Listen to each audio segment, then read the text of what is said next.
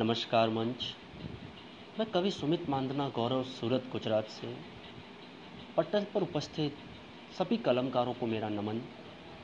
माँ सरस्वती को प्रणाम करता हूँ और यथाशीघ्र अपनी रचना प्रारंभ करता हूँ। करुण रस की जो रचना मैंने बनाई है, इसका निर्माण मैंने तब किया था जब एक अबोल जीव पर घातक प्रहार किया गया था।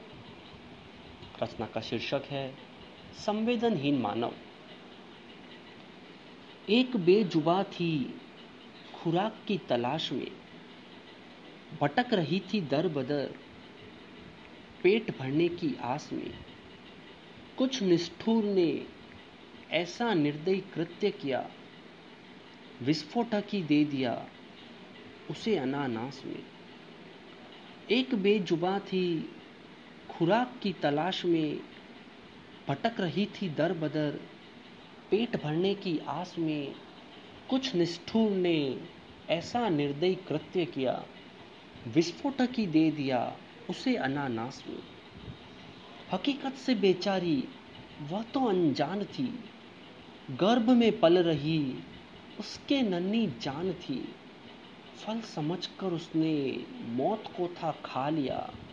काया उसकी पूरी पल में लहू लुहान थी। हकीकत से बेचारी वह तो अनजान थी। गर्भ में पल रही उसके नन्ही जान थी।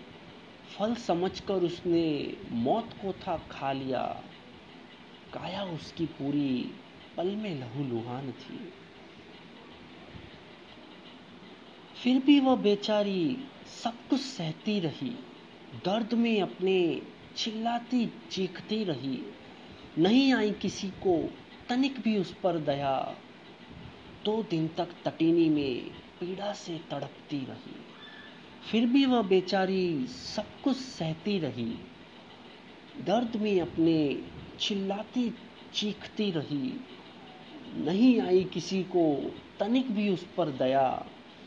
दो दिन तक तटीनी में पीड़ा से तड़पती रही। फिर भी कहा उसने? पशुता का परिचय दिया। फिर भी कहा उसने? किसी मानव को कष्ट दिया। चाहती तो मिटा सकती थी ऐसी आदम जात को।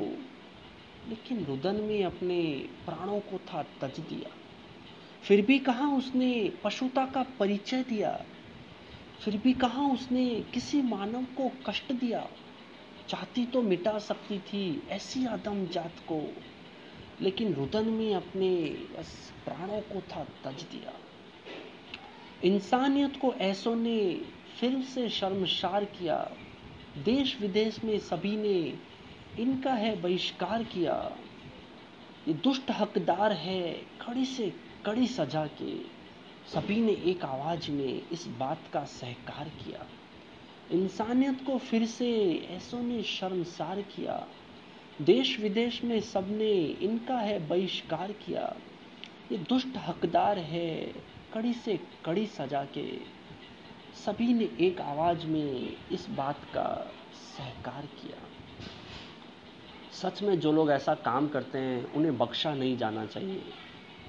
उन्हें सजा मिलनी ही चाहिए। जी, आपसे आज्ञा चाहता हूँ। बहुत बहुत शुक्रिया बहुत बहुत धन्यवाद। जय हिंद, जय भारत।